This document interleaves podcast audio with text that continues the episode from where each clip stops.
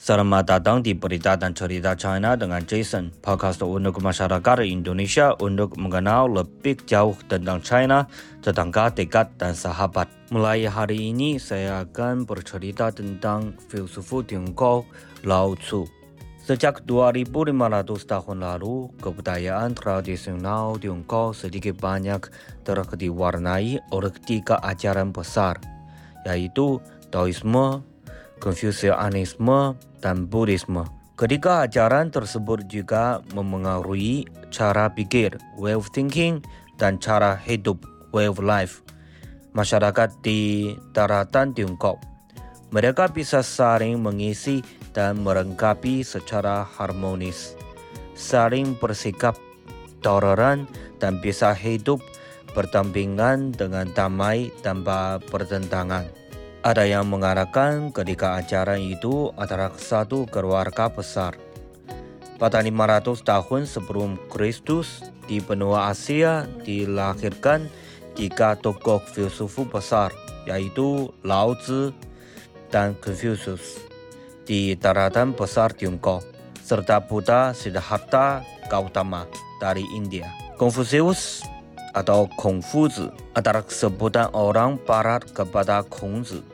Dia adalah seorang anak miskin yatim piatu yang kemudian menjadi ahli pedagogi terkemuka dan pemikir besar pada periode akhir Spring and Autumn Festival, Chunqiu Moqi. Dia pendiri kelompok cendekiawan yang memiliki 3.000 murid, 70 di antaranya berhasil. Kongzi mengajarkan moral, etika, musik, dan lainnya kepada murid-muridnya. Dia sangat menjunjung tinggi renyi, yaitu kemanusiaan dan keadilan. Mengzi dan lainnya adalah generasi yang meneruskan ajarannya. Dalam sejarah feodal, Kongzi dijuluki sebagai Shengren, orang bijak dan kudus, oleh pengusaha feodal Tiongkok. Buku yang dikarang oleh Kongzi antara lain Shi Jing, Kitab Puisi, Shang Shu, Chun Qiu, dan Tata Krama Edik. Kata-kata bijak Kongzi dicatat oleh muridnya dalam sebuah buku, Lunyu, The Saying of Kongzi. Kata-kata bijak Kongzi antara lain, semua orang memiliki hak yang sama untuk mendapatkan pendidikan tidak dibedakan apakah dia kaya atau miskin. Juga status sosialnya. Belajar tanpa menurunkan tidak ada gunanya. Menurunkan tanpa belajar bahaya. Sifat manusia pada dasarnya hampir sama. Setelah mendapat pendidikan dan hidup di lingkungan yang berbeda, sifatnya menjadi jauh berbeda.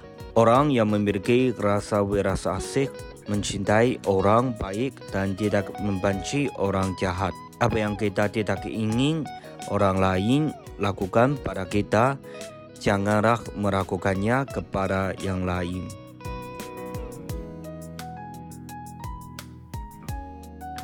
China White Stories Orang yang keras kepala Dahulu di Tiongkok daratan ada seseorang yang bernama Cisu.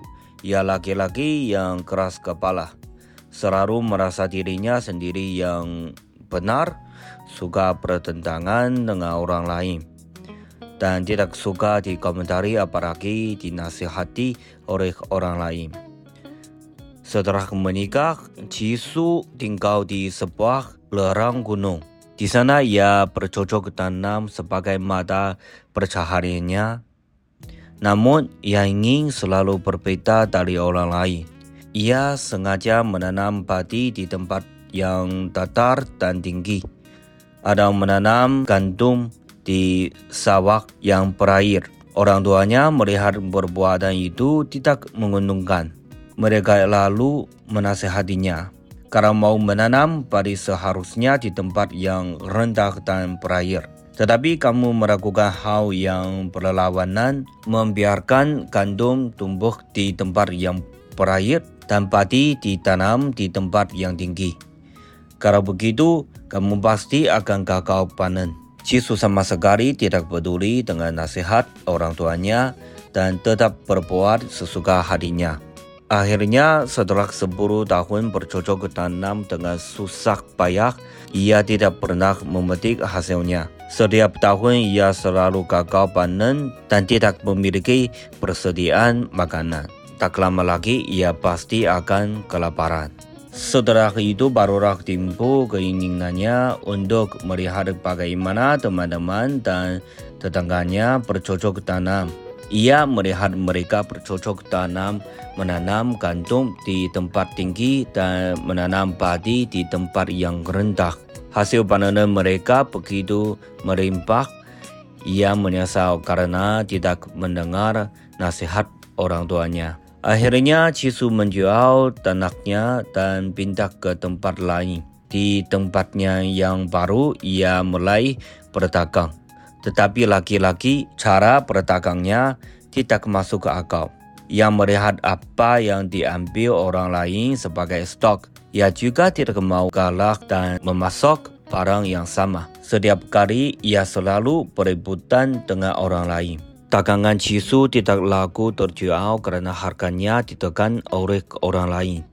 Temannya datang dan menasehatinya kalau mau berdagang, jangan berebutan dengan orang lain supaya kalau ada kesempatan, kamu akan mendapat keuntungan yang berlipat ganda. Ini adalah teori pedagang kuno. Untuk mendapatkan keuntungan yang berlipat ganda, Cisu tidak mau mendengar nasihat temannya. Selama 10 tahun berdagang, Cisu sering merugi. Akhirnya bangkrut dan miskin. Ia baru teringat nasihat temannya dan menyadari kebenaran nasihat temannya. Akhirnya ia mencari temannya untuk meminta maaf. Sekarang saya tahu kesalahan saya. Saat ini saya berjanji akan berubah. Suatu hari Cisu membawa perahunya melaut. Bersama dengan istrinya, ia pergi ke pelabuhan. Sebelum naik ke perahu, istrinya berkata, setelah kamu sampai di laut yang dalam, kamu harus membalikan arah kembali supaya perahumu tidak kemasukan air dari ombak yang besar. Jika tidak begitu, maka kamu tidak dapat kembali lagi. Sisu mengganggukan keberanya dan tak mengerti dan mendengar nasihat istrinya. Sisu pun menjalankan perahunya menuju lautan. Ia berlayar berhari-hari hingga sampai di laut yang dalam. Pada saat itu, sifat keras kepalanya muncul kembali. Ia tidak percaya pada nasihat istrinya dan terus menuju melawan ombak besar. Cisu terseret ke tengah lautan yang luas. Di sana, ia sendirian dan kesepian selama 10 tahun. Suatu hari ada ombak besar bergulung-gulung yang mendorong perahunya kembali ke rumah. Penampilannya telah berubah sehingga orang lain sulit mengenalinya lagi. Rambutnya memutih dan badannya kurus kering.